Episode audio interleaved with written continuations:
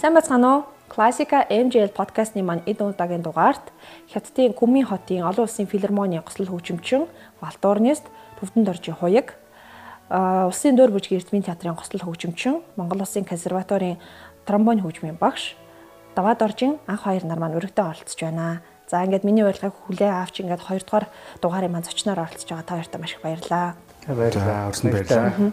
За хөгжмийнхаа урлагийн дотроо бол та хоёрыг бол андахгүй сайн мэдж байгаа. Бусад үзэж байгаа, сонсож байгаа хүмүүстэй зориулаад өөртөө товчхон танилцуулбал.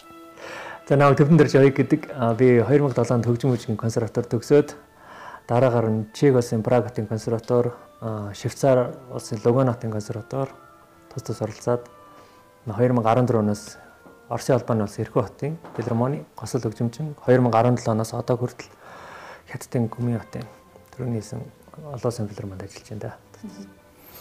За намайг даваад орж байгаа хоёр гэдэг. 2005 онд юу хөгжимчин коллеж төгсөөд. Тэгээд тэр тэрнээс дараа нь шууд дөр хөгжмийн театрт хөгжимчнөр тромбон хөгжимчнөр ажиллаж хагаад 2011-ээс 15 онд оны хооронд Орос улбаны улсын Новосибирскотын Глинкийн нэргэмжт консерваторийг сурч төгсөөд үргээд тэгээд ирээд театрт ажиллаж байна. Тэгээд 16 оноос цагийн багш сургуультай цагийн бас хийж байгаа. За 18 оноос үндсэн багшаар ингээд ажиллаж байна. За яагаад ер нь сонгодог хөгжим тэгээд тэр дундаа үлээвэр хөгжимчний ингээд мэрэгчлийг сонгох болов? За тэгэхээр би дахиад аа миний төг болохоор нэг би Багдад доолдог хөгтэйсэн. Тэгээ аав маань намайг бас доочин болгоё гэж санаад хөгжим мөчийн консерватор шалгуулсан. Гэтэл миний нас хүрэхгүйсэн доочин болгоод Тэр 18 нас хүртлээр аав намайг ямар нэг хөгжим тоглолцъя гэд шалгуулсан. Тэр үед Валторны ангид би өөрөө яг тэнцсэн байсан. Тэгэл Валторнд таалбагдсан да. Гэтэ доош юм болоогүй. Миний хувьд болохоор аягүй сонирхолтой. Би ч доронтой байхгүй. Манай аав өөрөө бас жоохон бахта хөгжим мужигт одоо тэр үеийн хөгжим мужийн дунд сургууль тэнцээд тэгээд нэг жоохон нэг гар гэрийн шалцгаанаас болоод явуулаагүй яваагүй яваагүй юм бэл. Тэгээд намайг зүгээр хөгжимчин болгоно. Би тэгээд жоохоноос дуулж муулдаг энэ байсан болохоор наа хөгжимчин болгоно боддог байсан юм л. Тэгсэн чи яг нэг өдөр зүгээр хичээл дээрээ суусан чинь л манай гавьяд өгш Ширчин Баатар өгш нэг орж ирэл. За ингээд Улаанбаатараас явж байна. Хөгжмийн сургуульд шалгалт явах чинь гэсэн чил манай дуу хөгжмийн багштай дагуулж орж ирэл. За бос гэлтэл шалгалт өгөөл төгөлдөр үрдэ очил нөгөө нэг бид нар нөө яа шалгалт өгдөг лээ. Тэгээ шалгалт өгөөл надад нэг томилт бичээл өгсөн. Тэрэн дээр нь тромбон гэсэн үсгэлж хараад тромбон гэд яаж юу ч мэдэхгүй. Тэгэл явж чил аав руу очил аавд оруулаад аав би нэг хүчин мөчөөс нэг хүн ирээд шалгалт өгсөн чинь надад ийм бичлэг тэнцсэн гээд ийм цаас өгсөн чинь манай аав тромбон гэж уншичаад манай аав ч өөрөө төв мөн бүлээдэг байсан юм лээ. Тэгээд тромбоныг амар мэдээд баярлж ирсэн. Тэгээд аавыг бас тэгж амар баярлаж одоо санаанд ордог. Нуруу нүвтсэн гээд хэвтэр хэвтэрд орцсаахгүй тэр тэр үед Тэснийг босоод ирсэн аахгүй. Тэгж сонирхолтой. Тэр үед бол юу яадаг байсан бэ те? Элсэлт нөгөө нэг аймагуудаар явдаг байсан байна. Тэгжээж нөгөө авиас шалгуулж одоо ч явж байгаа шүү. Тэгээ жил болго явдаг байсан ер нь өнгөрсөн. Сая чин хамгийн сүүлд 2 жилийн өмнө лөө. Тэгээ 2 жилийн өмнө 3 жилийн өмнө ховдоос манай Ширчинбаатар өгш хийсэлт авчихсан шүү дээ. Ховдоос маш сайн хүмүүстэй авчихсан байна. За ингээд сургуульд орчихлоо. За тэгээд дараа нь яг одоо анх мэдэхгүй байсан л гэж тэгж дээ. Ямар хөгжимч байдгийг юуг нь мэдэхгүй гэд. Тэг яг энэ мэрэгчлэрээ одоо явах болоо. Тэг дээрэс нь яг тэр дурлж исэн хэддгээр ангиасаа хідэн наснаас яг ингээд хөгжмөндөө дурлаад энэ мэрэгчлэрээ явах шийдвэрээ гаргаж исэн бэ. 5 дугаар ангидаа би юу анх энд бидний үеийн 5 дугаар ангидаа тий. Тэгээд 5 дугаар ангиас орж ил яг энэ 28-ын өрөөндөө энийг талны урд зогсоол багш 9 сарын нэгэнд багштай бас багш амар сүрлэг өндөр айгу гоё хүн. Тэгэл амар гоё нэмсгэлэл ирээл. За ингээд ингээд Ширчин Баатар өгч одоо надад авчиж өгсөн мэн гэл. Тэгэл хоёлаа эхний хичээлээ ороод. Тэгэл өнгийн ягаал тромбоно дуургаал бас нэг ганц нэг дээд анги яахнар махнар байсан тэд нар тоглохын сонсоол багш өөрөө бас бид нар над тоглож үзүүлээ ингэж тоглоно ингэж дуурдаг гэд. Тэгвэл шууд надад таалагдчихсан. Тэгэл тэгэл ер нь багш чинь тэгэл өдөр болгон давтал давтал давтал гэж хэлээл. Тэгэл хүүхд чинь тэгэл хэрвээ өөрийгөө ялаал те давтаал эхэлчих юм бол яг тэр үгэнд эхний суурин дээр давтаал эхэлчих юм бол яг хөгжмөдөө өөр ирэхгүй дуртай болно л та тий. Чадахгүй юмда хүн жоохон юу юм бол дургүй байдаг ч тий. Аа тэгээд чадаад эхлэхээр хүн тэндээ илүү дуурлаа. Тэгээд сонирхоод тий. Хоёрын ах хувьд. Миний хувьд болохоор би аа нөгөө дуучин бол нэг орцсон байсан болохоор тэгээ хүний хөгжмөдөд тийм очиргоо дуртай бол байгаагүй. Тэгээ тэр эхний 3 жил бол тэгэл өнгөрцөн. Ямар нэгэн байдлаар яг хөө эцэг их оролцсон болохоор одоо хүүхдийн одоо тий энэ сургуулиас гараа гэдэг шийдрийг хувьяасаа гаргал гэж дийлэхгүй. Тэгээ 9 дугаар ангидаа бол яалтчгүй манай дээдлийн анги хүүхнүүд нэг CD бэлэгдээд тэгээ тэр CD-г нэг гэртээ сонсоол тэгээ сенсацийн концертын 2 дугаар ангийг сонсч үзэл тэгэл ер нь ийм хөгжмөж болно гэж 100% шийдвэр гаргасан да. За тэгээд ингээд хөгжмөндөө дурлцлаа. За ингээд сургуулаа төгсчлөө хөгжмөж гэдэг чиглэл ерөнхий одоо ингээд суурь боловсрал авчлаа шүү дээ. Анхаа ах хувьд бол шууд ажил одоо ажилд ажлын талбар дээр гарсан байна тий. Хугаах жишээлбэл цаашаагаа суралцах гад явсан шууд тийм ээ. За тэгээд нөгөө тийм суралцах юу ч нь одоо хаанаас гар. Одоо тэр үед ч юм бол шууд гадагшаага явна гэдэг бол ганц суралцахаас эхлүүлээд бид нэр зүгээр наад захын конкурсанд явхад хүртэл хичнээн авьяастай ч гэсэн нөгөө нэг санхүүгийн боломжгүй бол жишээлбэл бид нарт явхад бол үнэхээр хүндрэлтэй байдаг. Бас байнга эцэгхээ зовоогоол тий. Тин ч өчнөө саяар нь үриэл тий тэнцээ очиод бас амжилт олооч үгүй ч үү тий. Тэгээ тийм учраас нөгөө санхүүгийн одоо бишэл бол бүгдэнд нь байсан болов гэж би хардаг. А тэгээд жишээлбэл та одоо яаж явж исэн тэр гарц хаанаас болдоо Тийм. Би бол ямар нэгэн тэтгэлэг хөтөлбөртөөс хамрагдаагүй. Ер нь бол эцэг их юм боломж ороод те. Гэтэ тэр нь учиргүй их мөнгө байгаагүй. Яагаад тэгэхээр аа Чех Чехэд Чехэлийн сурчин бол үнгүй сурдаг байхгүй юу? Тэгэхээр сургалтын төлбөр гэж байгаагүй. Гэтэ маш их хэмжээний мэдээж мөнгө гарна. Энэ бол угаасаа би анх яаж тэр консерваторийг олсон бэ? Тэгээ яаж тэнцсэн бэ гэхээр нөгөө нэг би багтаах интернет судаг хүүхдээсэн. Тэгээ интернетээр нэг мэдээлэл олж аваад Тэгээ нэг веб сайт руу санамсаргүй ороод тэн дотроос нөгөө нэг анкет гэдэг юм бүглөөд тэгээ би өөр англи хэлж байхгүй байсан тухайд тэгсэл нэр гэдгийг бол мэдчихсэн ямар ч байсан. Аа тэгээ адрес гэдэг маш сайн мэдчихсэн. Энэ хоёрыг бол явуулсан. Тэгээ дараа надад чигээс гараад тэгээ бэлчингээр дамжаад тэгээ явсан да тэнд очиод тэгээ багштайгаа танилцаад хөгжим мөж буцаж үрээ хөгжим мөжгөө төгсөөд тэгээ багш руугаа захижил би одоо сурахад бэлэн боллоо гэсэн. За өрөөд гэсэн. Тэгэл явт чи гэж сурсан да. Ер нь бол тийм нэх амархан бол байгаагүй бас тийм амар хэцүү байгаагүй. Яг нөгөө нэг цаанаасаа нөгөө нэг одоо хүн хүний хүсэл байж штэ тий хүний хүсэл чинь нөгөө нэг цаашаа дагуулаа яваад идэм байна л да. Одоо би бол тэгж ойлгодог шүү дээ. Би хитрхи хүсэлтэд автагдсан болохоор магадгүй тий нэг тийм гарц үд нээгцсэн байж болох. Тэгж боддог шүү дээ. Анхаахын хувьд болохоор нөгөө шууд ажлын талбарт гарчлаа шүү дээ. Тэгээд тэнцэнэ хэр удаа ажиллаж байгаа тэгээд яагаад нөгөө хошоогоо сургууль явах болов? Ажлын талбар 6 жил ажилласан байхгүй. Би чинь тэгээд үшээ гослол хөгжимч нь болцсон. Тэгээд ажиллаж байсан. Тэглээч ер нь тэгээд би ер нь боддог л байсан л да багасаа. За ямарч би нэг сурах хэрэгтэй доо. Тэ. Нэгэн тоо хөгжимцэн босных дээд мэрэгжил эзэмших хэрэгтэй. Манайх чинь консерватор болоог байсан. Тэгээд тэгэл маа багш тэгээд амар нөлөөсөн л тоо. Дорждог багш долоорын доождог гэд манай хүндтэй миний одоо шүтэж би одоо биширч явдаг багш минь эд. Багш харин намайг жил болгонд гэдэг баг. Анхаа энэ жил заавал шалгалт гэл. Би ч нэг том толгойлол тэнд чи нэг том өгч юм чинь. Тэгж аал нэг нэг удаа бүр аргагүй тэгэл багш бүр ягаал нас чин чавлаа ч яа. Тэгээд бүр боо юм очоо. Тэгээд шалгалтандаа бэлдээд тэгээд нэг тэнцээд тэгээ явчихсан. Тэгэл хаашаа очивол Новосибирскт очивол Пав Францевич Мор гэдэг хүний удирдлагын дор суралцсан. Ер нь хаач газар байсан сургуулийн дэг одоо школ гэж байгаа шүү дээ. Одоо та хэд маань чек авчлаа, хоошоо Орос руу явчлаа. Тэгээ ерөнхийдөө ялгаа нь юу байсан юм? Давуу чанар нь юу байсан юм? Тэгээ өөрчлөлтөө одоо та хэдэд гарч ирсэн өөрчлөлтүүд жишээлбэл юу байсан юм? Би босод үлээрээ сайн мэдэхгүй байна ямар даваал аль аль усад аль хотод те ямар багш дээр сурвал одоо илүү вэ гэдэг Ер нь бол Европт бол сургуулаасаа илүүгээр багшигээ сонгож очдог. Тэр бол угаасаа хамгийн зөв арга зам гэж хэлж болно. А миний хөгжмөг яагаад би заавал чехэд сурах болсон бэ гэхээр нэгдүгээр надад Аз тахсан, хоёрдугаар чех бол яг энэ алт орн хөгжмийн бол жинхэнэ үндэс их орн واخгүй юу. Яг тэндээс л алт орн хөгжим бий болсон. Одоо Бохема гэдэг болсоос тий тухайд. Тэгэхээр тэр тэнд очиж сурна гэдэг бол би яг одоо энэ хөгжмийг одоо Италиг одоо Италид очиж хийж сурж байгаатай л адилхан л дооч дуулаачаар сурдагтай л адилхан юм болсон гэж хард штэ. Тэрүүгээр маш илүү даваа талтай байсан бусад орнд очихоос. Миний хувьд Оросд Оросын ер нь үлээврийн гол үлээр школ нь дэлхийд өндөрт ордон шүү дээ. Угаасаа дээр үесэж байсан одоо ч гэсэн хүчтэй хэвээрэл байгаа. Тэгээд Манай яг Павл Францович Мор гэдэг багш яг Оростой ер нь нэлээд бас алдартай багш байсан. Тэгээд тэр тэрнээс өмнө бас нэг шалтгаан шалтгаан гэвэл хэлэндээ жоохон таархан. Тэгээд тэр нь яасан гэхээр нөө нэг наваад Новосибирск байсан урд нь ингээд сурж өмнөх хилс дээр явцсан ганц хоёр 2 3 оюутан байсан байхгүй.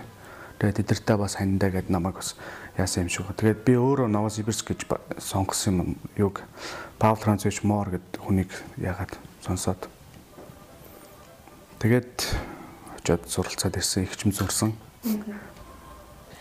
За ерөнхийдөө бол яг хөвчлэн бол одоо та хэдийн маань шав дээрээс нь одоо манай мэрэгжлийн сургуулиуд суралцж байгаа оюутан суралцч нар магадгүй үзэж байгаа тий. А мэрэгжлийнхэн дундаасаа гэхээс илүү бас өөр хүмүүс бас сонирхож одоо сонсож байгаа тий. Яг үлээвэр хөгжим гэж жишээлбэл юу юм үлээвэр хөгжимчдийн донцлог нь хэцүү давуу чанар нь юу юм ойлголтгүй байгаа шүү дээ. Зарим бүр энэ сонгодог хөгжим дотроо ч бас сайн ойлголтгүй явдаг хүмүүс ч бас бий тийм ээ. Яг энэ чинь нэг том салбар учраас хөгжим хөгжмийн зэмсгийг бид нар бас тухайлан бас сайн мэдэхгүй Тэгэхээр та хоёр өөртөөхөө одоо жишээлбэл би жишээлбэл төгөлдөр хурчих юм бол би яг өөрийнхөө талаас ярьж шүү дээ. А та хоёр тэгвэл яг өөртөөхөө хөгжмийн зэмсгийн онцлог тэгээ дээрэс нь яг үлээвэр хөгжимчтэй одоо хэцүү нь юу юм бэ? А тэгээ дээрэс нь давуу чанар нь юу юм бэ? Үлээвэр хөгжимчдийн хэцүү зүйлэхэр нэг тийм амар толгомцсон асуудал бас гайгүй л дээ. Давуу тал гэхээр одоо чи миний хөгжим бол дээ одоо одоо ганцаараа тоглож болно, хоёулаа тоглож болно, chamber music тоглоно, оркестранд сууж болно тий. Одоо ялангуяа миний хөгжим бол одоо ойрын бүс нутагт бол ерөөсөө одоо нурагшаа хятадын Бээжин тэрнээс цаашаа ч юм уу хоошоо одоо Москва хортол одоо юм жоохон тийм цөөхөн тоглож байна. Тэр тэр утгаараа одоо нөгөө нэг хэрэгцээ шаардлага маш их байгаа хөө оркестрийн оркестрт одоо ултаарнаас түн аавна гэдэг. Тэр яг тэр нь бол даваа тал гэж харам бол одоо бид нар ажилд орох магадлал өндөр хэрэгтэй ч юм уу гэж би л хөвдөө тэгж харж байна. Аа яг хэцүү зүйл хөгжим тоглоход хэцүү зүйл гэхээр аа магадгүй яг нэг бид нар чинь жижигхэн булчингаар үлээж байгаа шүү дээ тий. Энэ жижигхэн булчин маань биднийг хэдэн цаг давтуулах боломжийг олгож байна гэдэгтэй бас байна л да. Яг нэг 2-оос 3 цаг давтаал ер нь л тэрнээс цаашаа ингээд үлээхэд бол ер нь бол байрж дийлэх болохоор нэг өөрийнхөө хүсэж байгаа амийг тэр өдрөө гүйцэд хийж чадахгүй болохоор заримдаа жоохон Тэрийг бол хэцүү тал гэж харж байна. Тий, ялангуяа гуулийн үлээр бол манай гуулийн үлээр чинь нөө хүний хоёр уруулын хэлбэлцэл байгаа ш. Дээд хоёр уруулын хэлбэлцлээс энэ өнгөнүүд үүсэж байгаа байхгүй? Тэгээ ингээд одоо тэр мөнчтүүгээ тавьчихж байгаа ш. Тэ бурцан. Тавиад энэ энэ дотор чинь бас нэг юм одоо юу юм байна ч одоо вибрац вибратор үүсэж байгаа байхгүй энэ урууланд. Ингэж яаж үүсдэг болохоор мэдээж эн чинь цусгүй үүдэг Тэг мэдээж ам орчмын булчингууд бүгд ажиллана. Хүний нүүрэнд одоо 45 булчин байдаг л үү дээ. Тэрний баг ихэнх бүх бүгд нь ажилладаг байхгүй. Тэг ялангуяа энэ хацар те энэ ам ам орчмын булчингууд маш их нөлөөтэй. Тэгээд энийг энэ бол нэг олж авахын тулд яг гуйлын үлээр хөгжимчин яг одоо юу гэмдэ айгуу тийм маш олон жилийн хөдөлмөр ч юм уу эсвэл маш үр дүнтэй тийм давталтаар тий бидний хамгийн түрүүнд давталт байх хэрэгтэй шүү дээ хөгжимчтэй тий хамгийн үр дүнтэй толгоо нь одоо зөв толгоогоо ажилуулж байгаа л зөв давтсан усуд л одоо нэг гайгүй хөгжимчин болох. Тэрнээс бол гуйлын үлээр хөгжим айгүй ер нь бол яг манай буурцан түлээр хөгжим бол айгүй ер нь бол айгүй хүндтэй хүнд хэцүүтэй ордог. Ер нь тэгэл бид нар ч гэсэн 20 жилээр тэтгэвртэй гардаг тий. Үлээр хөгжим бас нэг асуудал байна. Бид нар ч ингээ хөгжим хүлээж авахаар дандаа ингээд юу яждаг байхгүй юу? Хүчил төрөчийн дутагдлалд орж идэг байхгүй. Хүмүүс чинь ингээд амьсгал зүгээр ингээд байж хата ярьж байгаа. Бид нар нэг амьсгаа авчаад нөгөөтгөө ингээд гарах гал тэгэл амьсгаа дуул дахиад их амьсгаа аваад ингээд дандаа нэг хүчил төрөгчийн дутагдлалд орж идэг. Тэгээд дээрэс нь чинь хэрвээ буруу үйл явбал гэж бас асуудал зөндөө. Бахан янз бүрийн өвчнүүд байдаг л хэрвээ буруу үйл явбал тэгээ сүүлийн үе шинжлэх ухаан хөгжөөд аа тэгээд хөгжим үлээх одоо школ сүүлийн үед нөө инновац гэж яриад байгаа шүү дээ технологийн те бид нар механик ийм нэг төхөөрөмжүүд одоо гарч ирээд байгаа байхгүй янз төхөөрөмж гэвь үг юм бэ хэрэгсэл зэмсэг ч юм уу те. Одоо янз янзын одоо даралтын аппарат ч юм уу хуйгаад байдаг те. Эсвэл энэ булчин сайжруулах бусад хөгжмөөс ондоо яг зэмсгийн хөгжмийн зэмсгээс ондоо зүйлүүд нь дэлхийд айгүйх түгээгчээд байгаа байхгүй. Юу дэлхийн манай манаагаас бус дорн баг бүгдээр хэгэлдэг те. Тэгж манад арай орж иж амжаагүй. Орд жирэг үжигчтэй одоо юу хэмдэ. Бас дээрэс нь нөгөө нэг санхүү мөнгөний асуудал байдаг. Тэгээд угаасаа хөгжмийг дагалдах юм чинь тэгж амар хямдхан байдаг шүү дээ. Бас нэг тодорхой хэмжээний үн цэнтэй байдаг болохоор иймэрхүү юмнууд Монголд нэвтрүүлэх юм гуйлын үлээвэрт бол нэвтрүүлэх тийм шаардлагатай гэж харж байгаа. Би бас энэ талаар бас жоохон судалгаа энэ төр хийж л байгаа. Одоо хуйгаах жишээлбэл нөгөө сургуулаа төгсөө тэгээд эрхүүгээс эхлээл ингээд олон оркеструудад ингээд ажиллаж штт те. За тийм жишээлбэл одоо нөгөө аудишн буюу одоо нөгөө сорилт одоо юу авдаг шалгуур шалгалт авдаг сонгон шалгуулалт авдаг штт эхлээд тэгээд тэр нь ямар шалгуур тавьдгийг одоо яг оркестрийн хөгжимчин болоход. Аа дэлхийн стандарт гэж би байдаг байхгүй одоо одоо оркестр орж байгаа бүх хөгжмийн зэмсэг байна шүү дээ. Тэнд чинь бүгд тохирсон өөрсдийн гэсэн стандарт дэлхий дээр байгаа. А манай Монгол тэрийг одоохондоо нэгч ашиглаж үзээгүй байх шиг байна тийм ээ яг сүүлийн байдлаар миний анзаарснаар нь ашиглаж үзээгүй. А би эрхүүд бол би яг тийм сонгон шалгуулалтанд ороогүй шууд өргөдөж утсан. А коммуни олон улсын филармонд бол яалчгүй нэг стандарт аудишн гэсэн. Тэрэн дээр нэг тоглох хэвээр юмнуудаа цаанаас нь зооцсон байдаг. Одоо Моцартын дөрөвдүгээр концерт гэхэд жишээ нь тийм ээ Штраусын нэгдүгээр концерт хоёрыг бол чи алтарнст бол заавал тоглох хэвээр. Тэрийг бол чинь л шалгалт авна. Чи Берлин филармонд ч өгж болно.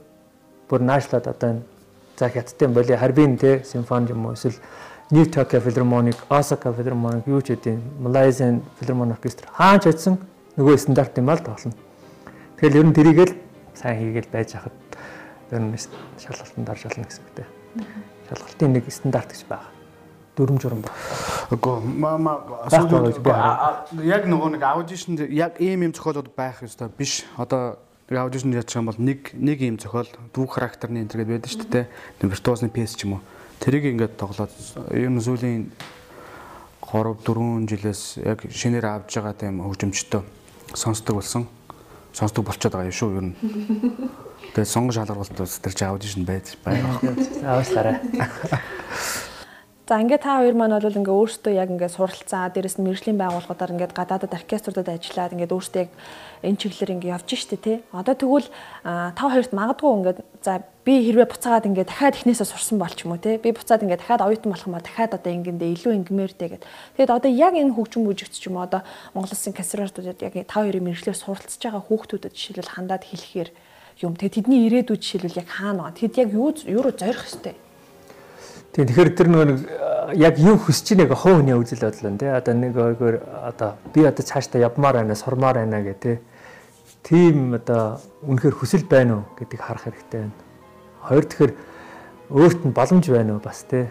Хүсэл өгөл боломжийг бий болгож байгаа байхгүй хүмүүс. Тэгэхээр нөгөө нэг тэр хүслийг л сайн харах хэрэгтэй гэж би боддоо шүү дээ. Аа. Тэгээ дүүнэртэй ингээд захиж хэлэхэд тийм ээ. Мм Би саяхан нэг нэг 12 зөвлөмжийг нэг Facebook дээр бичсэн байгаа нэ. Тэр бол айгүйх та хүмүүс таалагдсан юм шиг байл. Гэтэ тэрнээс гадна миний яд хэлэх юмнууд юу вэ гэхээр ер нь бол маш их хүсэлтэй байх хэрэгтэй те. Үнэхээр хөгжимчин болох уу? Сайн хөгжмийг заавал хөгжимч нэг хөгжмийг сайн тоглох хүсэлтэй л байх хэрэгтэй байхгүй. Түүнээс биш би тэр гадаад очроод гадаад оркестрт орё гэх юм биш. Тийм ээ. Хамгийн гол нь тэр хөгжмийг чи яаж хамгийн гоёор тоглох вэ гэдгээл анхаарлынхаа төвдөд тавьчих юм бол нөгөө босод юмнууд чинь дагалдана гэж би бол хувьдаа боддог байхгүй. Тэгэхээр одоо би дүүнэртэй цагаж хэлэхэд бол а давтах хугацаагаа одоо тодорхой болго тий. Одоо яг чи хэдэн цагийн давталтанд чи үр чамаас үр дүн гарч ийн гэдгийг ойлгодог. А мөн маш олон зүйлийг судалж байгаа давт. Тэгэхгүй ингээд нөгөө нэг зүгээр ингээд давтаад байдаг ш зарим хүмүүс чинь ингээд буруу ингээ юм а давтаалаа давтаалаа. Тэгэл олон ингээд цагийн царын тий хий тийм цаг өнгөрөөгөө тэгээ харангугаар ингээд тоглолтын дээр нь харахаар юм аим шигтэй сайхан буруу гой гой буруу болгосон. Тэгэхээр тэгж хийж болохгүй л да ер нь. Тэгтээ тэр чинь юу яаж нэхэр цаг алдаад байгаа байхгүй маш их цагийг алдаж байгаа байхгүй. А олон зүйлийг суралцаад олон мастер класс үзээ те.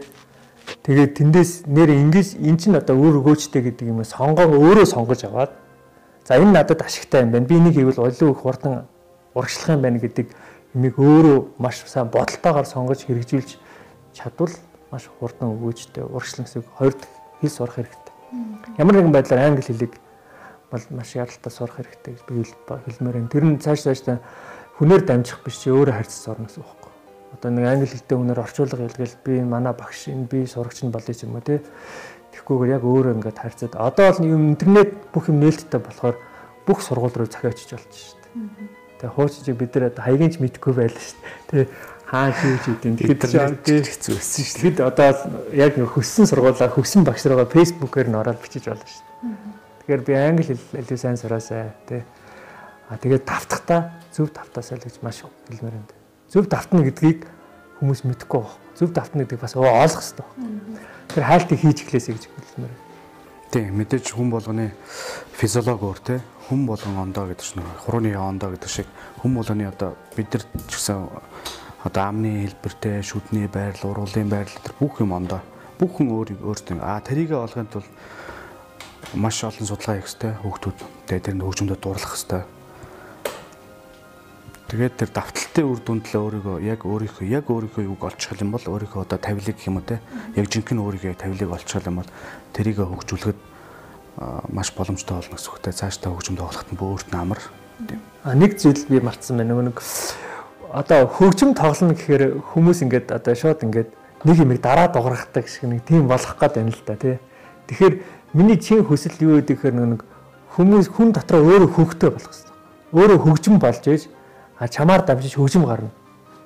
А тэгэхгүй ямар нэгэн байдлаар автоматар юм хийх гэдэг зарим нэг оюутан сурагч тийм ээ Тийм биш эхлээд маш их хөгжим сайн сонсож сурах хэрэгтэй. Одоо даалан 2 дугаар ангиудыг тэгжээд чиний дотор чинь хөг явж эхэлнэ. А тэгжээд дуурах байгаа тэр ноотныхаа уртчлан өөр чиний тархинд чинь дуурайад а тэрнээс цаашаа хөгжим чинь зөв. Энэ бол эн чинь цааш явсараа бүр интонац руу гарна шүү дээ. Чи зөв ингээ хөөгтэй дуурах дотор чинь дуурж байгвал тэр чинь зөв интонац руу гарна шүү дээ. Ядаж мөлөөр хөгжим дээр бол тэгдэг байхгүй юу? Одоо чи би үлээхээс дуурахаас өмнө амьсгаа авч байхад тэр яг миний үлээх гэж байгаа нот аллержийн тархинд дуурсан байж шээ. Тэгжээс дуурах. Тэгэхгүй ингээд энэнийг даралтыг дараал ингээд энэ нот дуурах хэрэгтэй гэдэг нэг хүлээлттэй бол биш. Уртцлж л явах хэрэгтэй Хан би яг сая наадах чиг асуух гэсэн нөгөө одоо тэр та нөгөө зүв давтаараа ингээл давтах хэрэгтэй л гэж тэгж штэ тэ.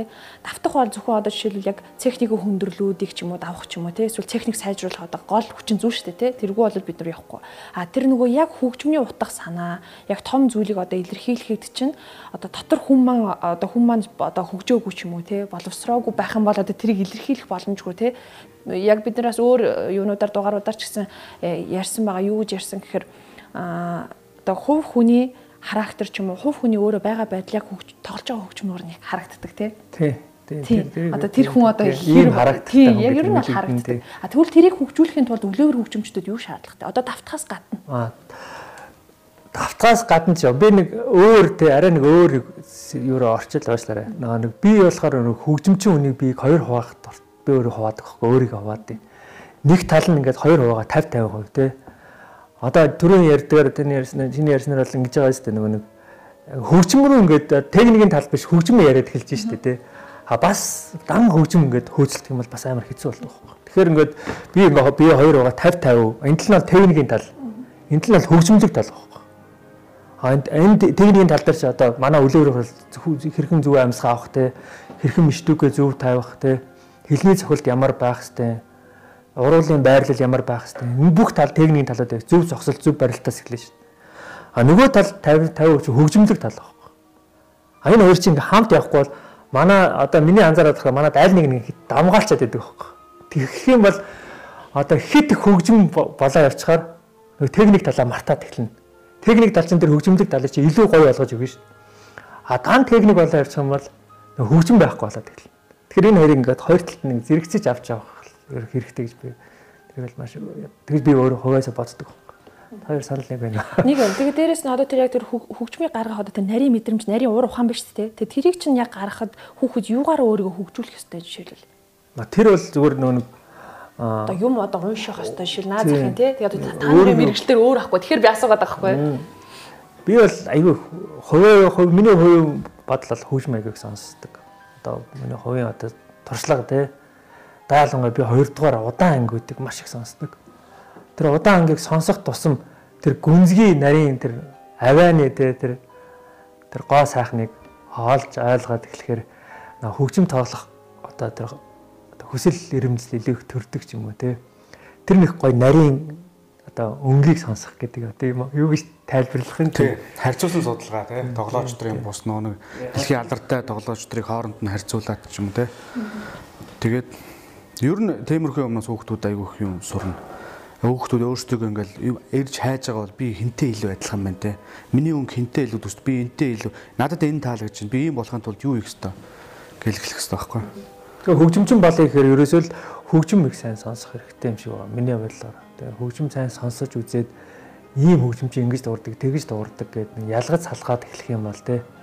А тэн дотроос өөрөө кафег авч эхлэх юм бол тэр чинь одоо буцаагаад тэрэндээ хөдлөх нь байна шүү дээ. Тэгэхээр жишээлбэл хүүхдүүдэд ингэж одоо тайлбарлах дуртай. Юу гэхээр төгөлдөр хуурч хүн бол одоо төгөлдөр хуурыг хаан хөгжим гэж ярьдаг шүү дээ. Яагаад хаан хөгжим гэж нэрлэж байгаа гэхээр оркестрийн дууралтыг ямар ч хөгжмийн зэмсгийг орлоод дуурах боломжтой байхгүй. Тэгэд урын сангийн хувьд жишээлбэл маш баялаг тий. Одоо та хэд заавал төгөлдөр хуурын концерт за концертыг бол мэдэх шаардлагатай. Зүгээр бусад манай бүтээлүүдийг ч юм уу одоо э, студиунуудыг мэдэх шаардлагагүй жишээлбэл тийм үү. А гэстэл бид нэр та нарын бүх юмыг мэдэх шаардлагатай концертмейстер хийхээ хувьд жишээлбэл тийм үү судлах шаардлагатай болдог жишээлбэл үжиг одоо дуучаад үлээврийнхэн бүгдэнтэй одоо юуныхаа үндэснийхэн ингээл бүхд юмтай төгөлдөр хор зайлшгүй хамсруу хөгжмөнтэй учраас бид нэр урын сантаа танилцах заавал шаардлагатай. За тэгээд дээрэс нь юу гэж тайлбарлах дуртай вэ гэхээр нөгөө одоо түрүүн юм унших хэрэгтэй, мэд хэрэгтэй. Наа захын одоо зохиолж байгаа тий зохиолоос судлах хэрэгтэй. Тэр хідэн он бичигдсэн. Дээрэс нь тэр хөгжмийн зохиолчийн онцлог юу юм? Тэрнтэй танилцах хэрэгтэй тий. Тэгэхээр чи нөгөө хөгжмийн уран зохиолынхаа юм мэддгүүнийг бас сайжруулах хэрэгтэй. Тэгээд тэрийг би юу гэж тайлбарладаг вэ гэхээр төгөлдөр хурч хүнийг жишээлбэл би өөрөө бас тэгж зүйлдэг. Юу гэдг вэ гэхээр одоо миний 10 хуруу бол миний оркестрийн хөгжимчд байхгүй. А миний толгой бол би өөр удирдах дирижер нөхгүй.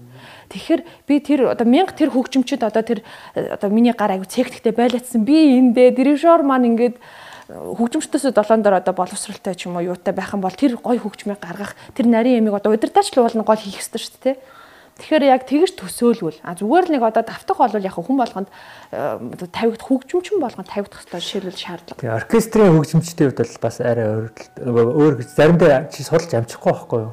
Яагаад тэгэхээр чи 7 хоног болгоно нэг симфони орж ирнэ тийм ээ. Тэр чинь ингээл өдөр болгон бэлтгэл бэлтгэл бэлтгэл нэг симфонд концерт дахиад тэр чинь хавсраал өөр юмд орж ирнэ шүү дээ. Тэр болгон дээр чи ингээ нарийн судалгаа хийж яваар амжихгүй. Яг яг хүссэн юм ал тэгээ судална гэхээр бид нар шиг бол ер нь ингээ харах юм бол гүйцэтгэгч нар байхгүй юу? Шинийг бүтээгч нар биш. Яг зүгээр шинийг одоо одоо шинээр Монголд шинээр юм хийдэг юм. Түүнээс бид нар бол гүйцэтгэгч нар. Чиний урд ямар нот авсан байна? Шостакович 10 дугаар симфони байна. Брук нэрийн дөрв байна уу те? Моцартын симфони. Пан. Чи тэрийг хамгийн сайнараа л гүйцэтгэж явах хэрэгтэй байхгүй. Бид нар бол юм бидний ажил ерөөсөө тэр шүү дээ. Оркестрийн хүмүүс, оркестрийн хүмүүс гэж юм шиг. А тэгхгүйгээр одоо орж иж байгаа симфони алганыг бид нар ингээд бүр ингээ нарийн судлаа те ингээд яг ерөнхий мэдээлэл мэдээж аавна л да хөгжмийн зохиолч тэгтээ тийм. Гэхдээ бас олон ингээс олон хоногийн судалгааг яаж амждаггүй. Тийм болохоор яг бид нар би өөрийгөө хэлэхдээ би гүйцэтгэгч мэрэгчлээ л гэж хэлж байна. Түрүү нөгөө та хүүхдүүдийг нөгөө хэл сурах хэрэгтэй гэлтгсэн шүү дээ те. Аа юу ангууд танаа мэрэгжлийн чиглэлээр одоо яг энэ суралцж байгаа хүүхдүүд жишээлбэл уншиж мэдэх монгол хэл дээр жишээлбэл юм байна уу?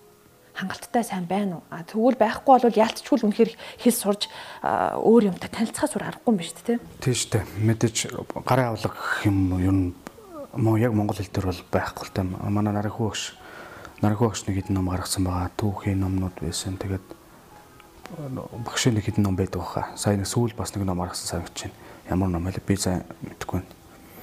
Тийм нарийн хүү багшийн хийсэн юм байгаа. Тэрнээс бол ер нь бол яг монгол хэл дээр хүүхдүүдийн одоо дөнгөж орж байгаа хүүхдүүд яг монгол хэл дээр уншаад яачих гараа авлага одоог нь байхгүй. Опшн юмнууд байна, байв байж байгаа юм тийм ээ. Ерөнхий нэг хөгжим гэдэг нэг орчуулгонууд байдаг шүү дээ тийм ингээд хараар орчуулсан тийм. Яг ингээд одоо би нэг сайхан нэг хөгжим гэдэг ном оолж уншлаа л да энтер ном дотор байсан тийм бид нэг авсаа үзлээ. Тэгсэн чинь тэн дотор алтаар нэгдэг орчуулсан байгаа хөө. Франц рок гэдээ орчуулсан. Тэгээ тэр нь бол ингээд одоо тэр ямар ч одоо хүмүүс буруу мэдээлэл өгөх юм уу тийм ээ. Тэгэхээр тэрийг яг опшн тим юмуд бол байна. А яг нарийн мэрэгжил дотор нь бол ороод ингэ задлцсан юм бол юуж байхгүй. Одоо тийм ном зохиол тэгэхээр хэл сурж ээж одоо тэрийгээс бүр сайн танилцах нь шүү дээ. Миний хөгжимч одоо яг яанаас үүссэн те яаж барих хэвээр гар нь яага заавал астропон дотроо байдیں۔ Яага заавал гурван даралттай. Тэр болгонууд яага заавал мистикэр үлээдэг ч юм уу те. Тэгээ дээрээс ямар ч хөгжмийн хүн байсан ерөөхдөө л бол яагаад гэдэг байнга одоо ямар ч хөгжимч биш ямар ч мэрэгжлийн хүн байсан ер нь бол тий тэр мэрэгжлэр өсхийг одоо хүсэж л байгаа бол тий ерөөхдөө бол яагаад гэдэг асуултыг байнга тавьж ижил тэгээ тэрнийхээ асуултын араас одоо байнга тууштай хөдөлмөрлж явж ижил тэрнийхээ оргилд нь хүрнэ гэж ер нь бол ойлгодог шүү дээ. Оргил тийм хөрн нэгж ар хэцүү юм байна. Тийм бид нар бол ер нь бол оргил төрнө гэж байхгүй шүү дээ. Зүгээр сайнаар л сайхнаар биний хүсэл бол тийм байна. Хамгийн сайнаар л тоглоё. Багтаа тэрнээс биш оргилд нь хүрэх юм бол одоо хаана очих хэвтэй. Магадгүй Берлин филармонд сууж байгаа ажиллагаар тэгээд тэр нь оргил нь үгүй шүү хөгжмийн орлог гэдэг. Таны миний бодож байгаа оргил бас угаа шүү. Хүн болгоны төсөлж байгаа оргил шүү дээ. Хүн болгоны төсөөлж байгаа оргил гэдэг чинь хаана байгаа вэ тий. Яг хаа нутагтаа гээл тэгэж бас өөр шүү дээ. Тэгэхээр шал өөр. Хуйгахаас нөгөө юуг нь асууя. Одоо эрх үгийн оркестр дараа нь ингээ комин руу ингээл ажиллаж штэ. Одоо ингээ олон олон гадны оркеструудад ажиллахад одоо тэнд давуу давуу чанар гэхээс илүү одоо сайхан чанар талууд нь юу гэдгийг. Гадны оркестр мэдээж өөр л байгаа шүү дээ байнгын шаардлага тэгээд энэ тентгийн олон газруудаар явж тоглоно. Нэг тухайн оркестраас авж байгаа мэдрэмж өөр л дөө. Одоо Эрхүүгийн филармон бол нэлээд настай оркестр байхгүй юу. Тэгээд тэнд авч байгаа ингээд дуугаргалт одоо суугаа тоглоход тэн дотор ингээд оркестр маасаараа дуурдаг байхгүй. А Коммуни филармон болохоор дэлхийн 13 орноос шилэгдэж ицсэн тэгээд шалгаруулалтанд сонгон шалгаруулалтад тавьсан 75 хөгжимч юм байна. А тэд нар болохоор тийм удаан хамт ажиллаг болохоор тийм мас бол байхгүй зөв хүн болгон хяддаг. Ингээд нэгдэж шүү дээ. Үнэхээр чадварлаг тоглолдог болохоор яг тэн дотор хоёр оркестр бин тэнд очиод тоглоход нэг өөр оркестрийн оркестраас авах мэдрэмжүүд нь илүү сонирхолтой байдаг. Одоо би Харбины симфони оркестрт би гослолоор Моцарт тоглож байсан байхгүй оркестртэй. Тэгэхээр тэр оркестр бас яаж дуурж ирсэн бэ? Тэгээ тэнд чинь бас нэг хятад оркестр гэдэг утгаар нь бас сонс цэвэр хятад оркестр. А коммунд болохоор шин хятад хүн байхгүй байхгүй. Тийм тэндээ сонгуулсан. А а эрхүүд болохоор чи орс хүн дандаа орсууд байгаа шүү дээ. Одоо би Лугана Chamber Orchestra-т байлаа л да бас сууж лээ. Тэгэхээр тэнд чинь бас нөгөө оркестр болгоноос өгч байгаа мэдрэмж нь илүү гоё. А нөгөө нэг дээрээс нь чи цалиа. Тэгэхээр аа тиймэрхүү сонин сонин одоо сайхан зүйлүүд нь л их байна л да. Суралцсан би бинээс асар их зүйл суралцсан. Даалангай одоо энэ залуу хөгжимчдөөс хүн их юм сурд юм шүү дээ тий. А би эрхүүгийн филармонд бол удирдаач гэсэн маш их юм сурсан. Ягаад тэгэхээр намайг очиод удаагүй боохад нэгдүгээр болтоор нь ажилласаа гарах бэлдсэн байсан. Тэгээ би өөрөө шууд намайг шууд баг хүчээр нэгдүгээр болтоор нь болгоцсон. Тийм болохоор яг тэндээс юм сурна гэд байж исэн хөдөлгөөн байхгүй болсон. Аа коммунд очиход бол манай тэр оркестрт очисон бүх болтоорнуудад тухай тухайн орныхоо нэгдүгээр болтоорнуудад нэрсэн байхгүй. Тэн чи ерөөсөө чи амар оркестрт алдах хэрэг байхгүй газар очиж байгаа байхгүй. Нэг л алдах юм бол дараагийнх нь пад гэж суучин те. Маш хүнд нөхцөлд аа тэгээ би бинээс юм суралцаж эхэлдэг. Яагаад тэгэхээр тэд нар чинь бас сайн хөгжимчтэй. Тэгэхээр суралцсан. Анхаахаас нэг юу асуух гэсэн. Одоо бид нар бол хойлоо яг хойно төгссөн те. За яг тэр үед анхаах хэдэн онд явлаа? 11 онд явсан шүү дээ. Би 12 онд явсан. 12 онд. Тий. Тэгсэн чинь яг тэр үед болохоор би түрүүний дугаар дээр ч ярьжсэн. Одоо яг Орос руу л явахгүй шүү тий. За яадаг ч гэсэн Орос руу л явахгүй шүү. Тэгээ би бол Америк руу явж исэн. Тинчээ олон олон сургуульд шалгалт өгөөд одоо заавал scholarship авахын тулд одоо хэлний TOEFL-ийн оноогоо шалгалтаа өгчөөж ингээ scholarship авах боломжтой. Тэрнээс биш мэрэгжлийн хувьд бол одоо ямар ч асуудал алгаа та манад билээ ингээ ингээ олон урилга бол авч исэн. А тэгээд яг тэнцэнэ нэг 4 сар байгаад буцаагаад Монгол руу ирж исэн байхгүй. Тэгээ яг тэгэхэд дахиад Оросын шалгалт болоод тэгээ тэр үед яг Оросоос юунууд ирж исэн. Комисс өөртөө ирж исэн тий комисс ирээд тэгээд яг гинесний акцимаас одоо Юри Богданов гэх төгөлдөр орж ирж ирсэн. Тэгээд өөр бас хүмүүс ирж ирсэн. Тэгээд шалгалт аваад тэгээд ямар ч байсан нэг одоо нэг л төгөлдөр хууч жишээл тэнцээд ингээд шалгалтанд ороход авчлаа гэд тэнцлээ гэлтгсэн. Тэгээд яг ингээд за ингээд Орос чинь том штэ тий. Аль хот руу явах хэвтан бол, аль конс руу явах хэвтан бол, аль нь сайн юм бол, аль нь одоо яг миний мэрэгчлэр сайн хүмүүс байгаа юм бол ингээд юу ч мэдэхгүй. Ойлголт байхгүй. Тэгээд тэр үедээ биднэрт одоо яагаад тийм явахгүй шүү гэсэн ойлголт төрсөн бэ гэж бас бодохоор ерөөхдөө ингээ сайн мууч хамаагүй те ерөөхдөө баг л ингээд дуртай хүн болгоныг ингээд нэг явуулдаг гэсэн нэг тийм ойлголт суучихсан байсан. Яг үннийг хэлэхэд нэрээ. Тэгээ тийм учраас бид нарт одоо яг л ингээд орс руу явахгүй шүү те. Тэрийг айгу одоо буруугаар ойлголцсон байгаа байхгүй. Тэгээд би яг сонголтоо хийж чадахгүй байж хаад яг ингээд актемаас уцтаад гинесний актем бадрал оюун өрдөө хоёрыг авнаа гэд одоо ямар ч сонголтгүйгээр шууд битээр тийшээ явж исэн байхгүй. Тэгэл очиод яг нөгөө юу нөгөө төсөөлдөөс юм чи шал эсэргээр байсан баг би бүр хөө бурхан мань гэж бодоод би ч одоо сургуультаа бол надад хамгийн бараг гайгуудад орж исэн да гэл одоо сонсоод хичээлээс чихлүүлээл одоо жишээлбэл Тэгэд өчнөө юмараа маш сайн боловсролыг одоо би үнэхээр тэнцээ 6 жил 5 жил сургалтцаа 6 жил амьдэрсэн. Тэгэхэд би хангалттай сайн гүйж одоо бүхэл тоглолт, концерт, музей юу вэ те соёл боловсролын тэнцээ бүр ингээд дуусахгүй юм баггүй Орос орн болол. Тэгээд би бүр хангалттай явдаг байсан. Би өглөө 5 цагт гарч тавчаад хичээлдээ яваад дуусангууд нь орой 7-ны 7-гийн концертанд яваад тэгээд 10 өнгөрөөж гэртээ ирээл тэгэл нэг гэж унтаал буцаал тавтаа гараад тэгсэн мөртөө би амждаггүй л байсан. Тэр бүх юмыг би дуусгаж чадаагүй байхгүй. Тэгэхээр одоо ганц сургалтын системийн сургалт бол үнэхээр сайн. Тэрнтэй бол би бүр хаанч маргахгүй. А зүгээр бусад яг нөгөө хүн өөрийгөө ингээд яг нэг хүн болгох тий соёлын хүрээд өөрийгөө хөгжүүлэх тал дээр бол Орос одоо магадгүй бусад юутай харьцуулахад бол бүр дуусахгүй бүр соёлын бүр бүр өв газар байхгүй. Тий. Дэлхийн сонгодог урлагч нөгөө Оросын сонгодогч нь баг хамгийн сонгодог хэмжээ Орос ингээд үгүй тий одоо дэлхийн сонгодог хэмжээ дөрвөл баг хуваагаад тах шүү дээ тий. Герман, Франц тэгээд Орос тэгээд Тэгэл ер нь ер нь бол гурав л байж англи арах нүг гэдэг орохгүй дээ.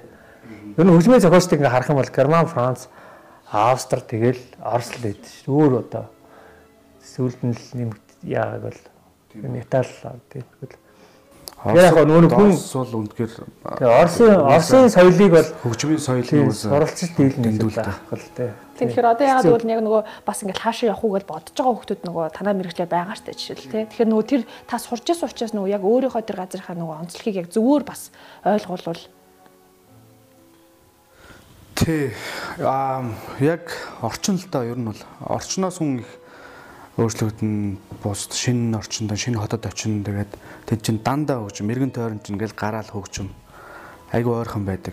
Одоо метрон суусан ч юм уу сонгодог ихшилдэг ч юм уу тий. Ингээл явж явах чинь тэр тэр дүн чинь өөрөө ирэхгүй ингээл хүн ингээл хөгжимлөг болж байгаа байхгүй. Тэгээ надад бас нэг яасан юм болохоор 3 дугаар курстэй би чинь нөгөө нэг Новосибирская филармоны концертын тухай оркестр тэгээд Новогийн залуучуудын оркестрт суудаг гэсэн хэрэг. Тэгээд тэр болгон дээр айгүй олон тоглолтууд хийдэг байсан. Тэрнээс маш олон төрлийн солистуудтай тоглолдог байлаа. Тэгээд тийм юмнаас айгүй их суралцдаг. Тэгээд тэрнээс одоо хүмүүний одоо хандлага хөгжимчтэй өнөөдөр одоо чи ямар байх хэвтэй хөгжимчин хүн хандлага нь ямар байх хэвтэй тий бустай одоо хайрцах хандлага манай монгол хүн манай монголчуудаа нэг юу байдаг штэ зүгээр нэг монгол хүний нэг юу байдаг штэ цаанаасаа нэг одоо юу гэмдэ темперамент темперамент зам тий тий wild зам гэдэг миний тэрийг тэрийг яриад яах юм бэ тэгээ wild зам гэдэг нь манай монголчууд тийм амар өөрөө өөрөөр байхгүй. Амар эргчлээтэй хүмүүс байхгүй. Одоо нэг нэг тодорхой нэг юмд ингээд удаан нэг яг нэг яс журам гэдэг юм амар багтай. Сонгодог хөгжим дээр тэр нь бас амар ажил. Бараг нүүдлийн соёлтой холбоотой ч юм. Нүүдлийн соёлтой холбоотой. Тэр тэр нөгөө нэг цуснд байгаа юм чинь хөгжим тоглоход илрээд идэг байхгүй юу? Одоо тэр өнгөө ингээд тэгшгэн барьж чадахгүй тийм ээ ингээд задлах юм. Моцартын фразыг ингээд задлах юм. Өөрийнхөө яг өөрийнхөө тоолдог. А тэгэхэд нөгөө нэг одоо манай би Швейцар Дэвид Джонс ингээ профессор дээр сурж байлаа л та тий. Багш маань юу хэлдэг чи хитрхи вайлд байна тий. Ийм байх хэвээр ингээ тий. Немецкий гэдэг чинь тий. Дойч ингээ яг яг ийм л байх хэвээр. Тэгээ тийм дээр зарим бид нар одоо суралцах юм маш их гэдэг байна.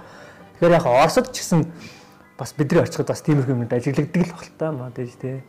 Эсвэл Орос та нар Оросд болсон. Яг юун дээр ажил одоо нөгөө нэг хөгжмөлөг хөгжмөлөг гэл тэгэл манай хаж амар ингэж тоолж байна бол гэдэг чинь. Нөгөө биеэрээ хөгжмөл байгаа. Тэр миний яасан. Очоо шууд нанаас ч эхлэх. Үе энэ хуруугаар одоо өндгөрөө хөгжим гаргахад энэ би ямар хэрэгтэй чи ямар илүү ажил хийгээд байгаа ингээл тэгэл тэрнээс эхлээл яг засах юм. Тэгээд тэр чинь нөгөө төрөний миний ярьдаг нэг би хоёр авахлахгүй. 50% техник тал харж байгаа. А тэгвэл манай монголчууд чинь амар хитрхи хөгжмөлөг байл. Тэ маш хөгжимлэг хүмүүс очиад байж тийм нэг л хөгжим биш яг тийм л байсан. Амар маш их хөгжим тоглох сонирхолтой. Ерөөсөл тэр хөгжмийн сонссоор гол магадгүй те. Тэгэл нэг л гоё хөгжим тогломоор байдаг. Гэтэл нөгөө нэг цаанаас нь одоо техник суурийг ингээд зөв тавих одоо ажлыг маш их байсан боо. Тэгэхээр тэрэнд нь одоо тэрийг сурж ажиллаж ажиллана гэхээс би бүтэн жил нэг концерт авсан. Чигээд очиад аа. Бүтэн жил доо мажаар бараг үлээс. Тэр чинь угаасаа анханасаа л зөв юм хийхгүй бол дам Монгол одоо Монгол цасаараа ингээ явах юм бол энэ орчныг эвдээд байгаа байхгүй. Аа сая Вигах маань маш том ажил хийсэн. UB фестивал оркестрыг ингээд анх удаага байгуулад ингээд тоглолт хийсэн тийм. За энэ талаараа ингээд тодорхой хүмүүс ойлголт өгч. Одоо тоглолтыг бол бид нар үзсэн маш гоё болсон. Бид нар лайв явсан учраас олон хүнд гадаад байгаа хүмүүс ч гэсэн үзсэн.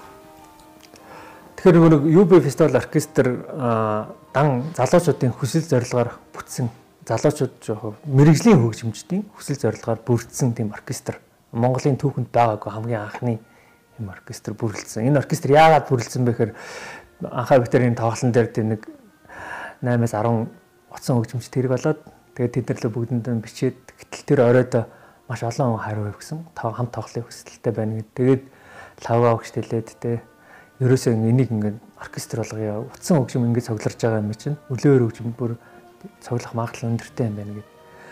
Тэгээд энэс санаад оркестрийн тоглолт болсон. А тэн тэн дотор битүүрч өөрсдийнх нь програмыг юу н оруул анх тоглох гэсэн зохиолод ор нь ороогүй те. Ер нь бол тэр оркестрийн тоглолт болж хувирсан байхгүй. А тэр утгаараа бид нар бас нөгөө нэг хамгийн анх тоглож байгаа юм чинь хүн театрт тоглоё. Гэр дотор тоглоё. Гэр дотор чинь ингээд сонгодог хөгжим хөгжсөн байна гэдэг үзэл санааг одоо гаргах гэж хүн театрт тоглосон. Тэгэхээр энэ тоглолт бол маш сайхан амжилттай явсан. Нийслэлийн соёл урлагийн газар бид нартай хамтарсан тэгээд хамтраад маш сайхан зүйл болсон. Дээрээс нь тухайн тоглолтын зориулж бас шинэ уран бүтээл гарч ирсэн. Одоо нийслэл капитал өвөртөр гээд нийслэл зориулсан өдөртгөл хөгжим бий болсон. Дээрээс нь морио урчшийн цагийг бид нар өөрсөн Монгол гэрт чинь морио ур байх стайл таарлаа тий. Дээрээс нь мөнгө тогтогч. Тэгээд яагаад заавал ганцхан морио ур гэж бас үндэсний шин чанар агаас ятга хөгжим тий. Манай ятга ятгын мөнгө тогтогч минь оролцсон. Тэгээд дараа нь ингээд хоёрдугаар хэсэг дан ингээд сонгодог. Одоо дэлхийн сонгодог. Урд нэгдүгээр хэсэг нь Монголын сонгодог гэсэн бол хоёрдугаараас дэлхийн сонгодог гэж орсон. Энд бол хүмүүс бүгд шин зүрхнээсээ сэтгэлээсээ оролцсон. Энэ бол энэ маш сайхан зүйл болсон. Энэ цаашдаа бол үргэлжлэнэ. Ирэх жилийнхийг одоо ярилцж байгаа. Нийслэлийн соёл урлагийн гатарцаас ярилцж байна. Бас хувь компаниуд ч нэмэгдэж орж ирж байна. Цаашлаад илүү их олон цар хүрээг хамарнаа а лайвын бичлэг бас лайвын бичлэгээс илүү бид нар бүр 2 1 өдөр бүтэн контент бичлэг хийлгэсэн байна. Одоо видео, аудиг яг стандартын дагуу тэр бичлэгнүүд одоо нийтэд тэгвэл илүү сайхан сонсогдно. Лайв бол лайв шүү дээ, тий. Тэгэхээр яг амьд тэнд байгаа орчныг лайваар гаргасан бол бас үгүй. Тэгэхээр тэр контент бичлэг одоо энэ он гараад телевизээр цацагдана. Тэгэхээр энэ илүү их цаашаа өргөжнө гэж хүсэж байгаа Энэ бол анх санаа нь бол юм жижиг юмнаас оловч цаашлаад илүү их том юм руу орж байгаа. А эх жилүүдэд бид нар зөвхөн ингээд Монгол хөгжимчдийг бас урах уу гэлүү бас гаднаас хөгжимчд урах сонирхол байна. Бас нэг нэмэлтээр бас нэг нэг үдл агаагчаас гадна нэг өдөр даач урах хүсэлтэй сонирхол байгаа. Энэ нэг хамгийн гол нь Монгол хөгжимчтэйгээ гадны хөгжимчтэйг авчирч суулгаад хооронд нь харьцуулаа, найз нөхд болгоод бие биенээсээ туршаад судлаад те. Энэ хамгийн чухал. Энэ фестивалийн гос нэг фестивал оркестрын бас нэг хамгийн чухал зүйл нь тэр л дээ. Нийтэд мэдээж нөгөө нэг одоо соёлыг түгээх, хөгжмийн соёлыг те, сонгодог хөгжмийн соёлыг түгээх гэдгээс нь гадна бас хөгжимчд өөрсдөө хоорондоо бие биенээсээ бие биенээсээ суралцаад хамтдаа хөгжиё гэсэн тийм. Тэгэхээр яагаад заавал UB тийм яагаад заавал UB фестивал оркестр байх хэрэгтэй юм бэ? Гэт баг сонио асуулт байна шүү дээ. Тэгэхээр одоо ингээд Монголын ингээд байгаа байл одоо Монголд ингээд үйл ажиллагаатай оркеструудыг харахаар ингээд фестивалуудыг ч юм уу харахаар ингээд яг ингээд сонгодог хөгжим фестивал гэж юу юм байхгүй байгаа зү. За Алтан намар гэж байна шүү дээ. Алтан намар чинь нөгөө нэг шинэ одоо шинээр зохиогдсон уран бүтээлүүдийг тоглодог. Улсын сан зардаг юм уу. Тиймэрхүү асуудал. Тэгээ яг тийм үйл ажиллагаатай байна. Аа яг ингээд наадамтай адил зэрэг хэмжээний тийм олон улсад байдаг шиг тийм фестивал байхгүй сонгодог хөгжим фестивал. Тэгэхээр бид нар эх жил юу хийх гээд юм нэхэр нөгөө нэг оркестраа бүрдүүлгээр бүрдүүлчихэд хажуугаар нь цөөхөл хөгжмийн концертууд явагдаад а гаднаас ирсэн хүмүүс магадгүй манай Монголын одоо мундаг хөгжимчтэй шүү дээ. Тэр чинь Гобойны Ганбаатар ирнэ гэж шүү дээ. Тэр хүн чинь одоо Маринскийн театрт өргөдчихлээ шүү дээ. Тэгэхээр тэр мундаг хөгжимчд хурж ирээд хичээл заана. Энэ бол нөгөө нэг оркестр тоглоно, цөөгүүл хөгжим тоглоно, дээрэс нь мастер классууд явагдана. Тэгэхээр юу болох вэ? Энэ чинь фестивал болж байгаа яг одоо миний бидний хүсэж байгаа зүйл. Тэгэхээр энэ бол бидэрт одоо наадмын дараа байж болох сонгодог хөгжим том хэмжээний наадам болж хувирна. Тэгэхээр энэ бол биднэрт маш их хэрэгтэй. Хүүхдүүд ч залуучууд хэрэгтэй. Нийт нийгэм нийтийг хүлээж байгаа тэр нэг гурав дахь ч одоо бас нэг шинэ хүчин тий. Байнгын ажиллагаагүй ч гэсэн жилдээ нэг удаа ирж тоглодог тийм сонирхолтой зүйлийг эхлүүлчихэд байна. Би яг одоо жишээл ингэж харж байгаа байхгүй юу гэхээр одоо сонгодог хөгжим а Монголд одоо иймэрхүү байна. Тэгээд бидний одоо бид нар чиглэсэн одоо ийм ч юм байхгүй, тийм ч юм байхгүй гэж одоо тэгээд иж болно мэдээж тийм ээ. Одоо тэр юутай холбоотой гэхээр яг бидний өмнөөс мэдээж одоо мэдэхгүй болохоор хүн хөдөлгүүтэйж магадгүй жишээл яг нарийн ширийн нь ойлгодгүй учраас тийм. Тэгэхээр одоо ингээл өөртөөсөө эхлээл өөртөө нэгдээд одоо харьцангуй залуучууд энд тийм төгссөн мундаг сайн боловсралтай чадaltaй хөгжимчүүд маш олон биш дээ шил. Одоо энд биш юм ахад одоо ингээл хаасайгу тий. Тэгээ тэдрийгээ цуглуулад одоо ийм ажил хийж байгаа та хоёртаа бас маш их баяр хүргэе одоо ихний юм эхлэнлүүлнэ гэдэг ч мал ерөөхдөө бол хэцүү шүү дээ. Тэг ямар ч эхлүүлээд бүр ингээ арын үдцсэн одоо тий үр дүнгээ үдцсэн дахиад бүр ингээ цаашдынхаа ямиг ингээ төлөвлөлтөд явж байгаа чинь одоо маш их баяр хүргье. Мэдээж бид нар дараа нь хамтраад ажиллахад бол өөр олон хүчмжүүд бас харж байгаа тий. За ингээ дараагийн удаад нь бол ингээ хамтраад ажиллая шүү Тэг ингээд ганц оркестр гэхээсээ гадна одоо миний одоо хийж байгаа подкаст гэсэн. Бидний өмнөөс одоо өөр мэдээлгүй хүн бид нартай ярилцах жишээлбэл ямар байдаг лээ те. Асууж байгаа асуултнаас эхлүүл нарийн ширээ мэдхгүй учраас бас доторлоо ингээд энэ зүйл чинь маш баяртай байхгүй. Яагаад тэгэхээр яг нэг зарим танихгүй шүү дээ. Үнэхээр одоо анхаа хоёг гэж хийм бэ гэдэг яа баяр гэдэг. Тэгэхээр яг энэ нэг утгаараа хүмүүс танилцуулж болж нөгөө талаас нөгөө хөгжимчдийн сэтгэлгээ ямар байд юм бэ те.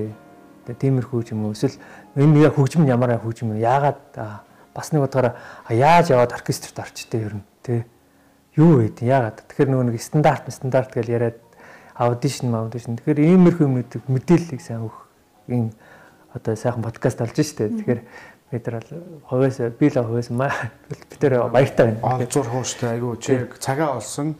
Ер нь амар хэрэгцээтэй байгаа юу хүн болгонд ялангуяа одоо суралцж байгаа хүүхдүүдтэй ажиллаж байгаа тэр хөгжимчд ч гэсэн те урлагийн салбарынханд ч гэсэн айгүй тийм өгөөчтэй бас би энийг уян чинь энд юу ингэж яваа юм бэ штэ ийм хийж байгаа юм бэ штэ гэл те. Тэгэхээр тийм ч юм уу те. Маш сайхан зүйл байна. Яг хоо цаг нь жоохон богино байгаад магадгүй. Тэгээ эсвэл ярихан бол маш их байдаг угаасаа. Одоо бүр даалангаа одоо мэрэгжлийн тал дээр яриад. Одоо би бол өнөөдөр чинь ингээл хөгжмөл яриад байна штэ те. Гэтэл нөгөө нэг яг хөгжмийнх нь ингээд татар нь ороод харангуй за валтаар нь гэдэг чинь юу юм бэ? Тэр талаас нь ингээд ярих зөндөө гой гойнууд байгаа шүү. Тэр чинь туслаа зориулсан контент тустай байна. Яг хөгжмийн зэмсгээ танилцуулаад тэгээд яг өөртөө хөгжимчд нь өөртөө тэрийгэ тоглоод үзүүлэх. Тэгээ яг одоо яг л би яг нөгөө яг хүмүүсийн л одоо асуудаг хамгийн түгээмэл юмнуудад л өөртөө амхандаа хариулах гад л хичээж байгаа. Би одоо жишээл мэрэгжлийн хүн биш жишээлбэл сэтгүүлчээр төгсөөгүй би одоо нэг дугууланд сууж үзээгүй хүн. Өөрөө телевизчд ярьцлага өгөхдөө бүр бөө юм хольж ярьдаг хүн чинь тий.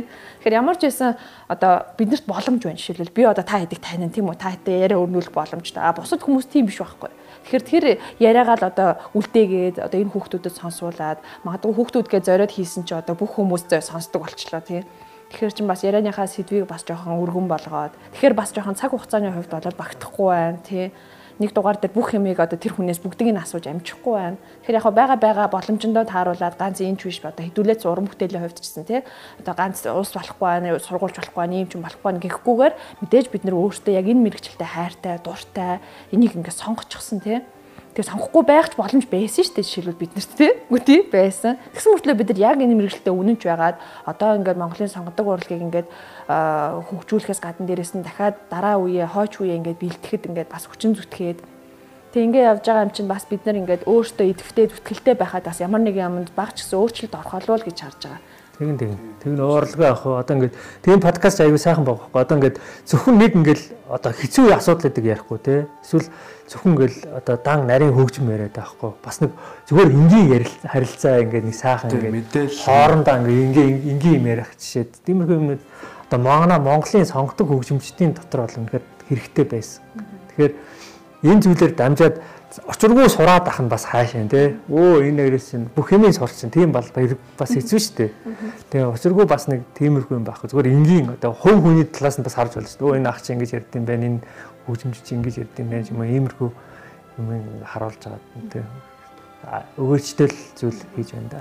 За за ингээ хэдүүлээ ингээ яриагаа өндөрлөө. За ингээ өнөөдрийн дугаамаар ерөөхдөө өндөрч өндөрлж байна.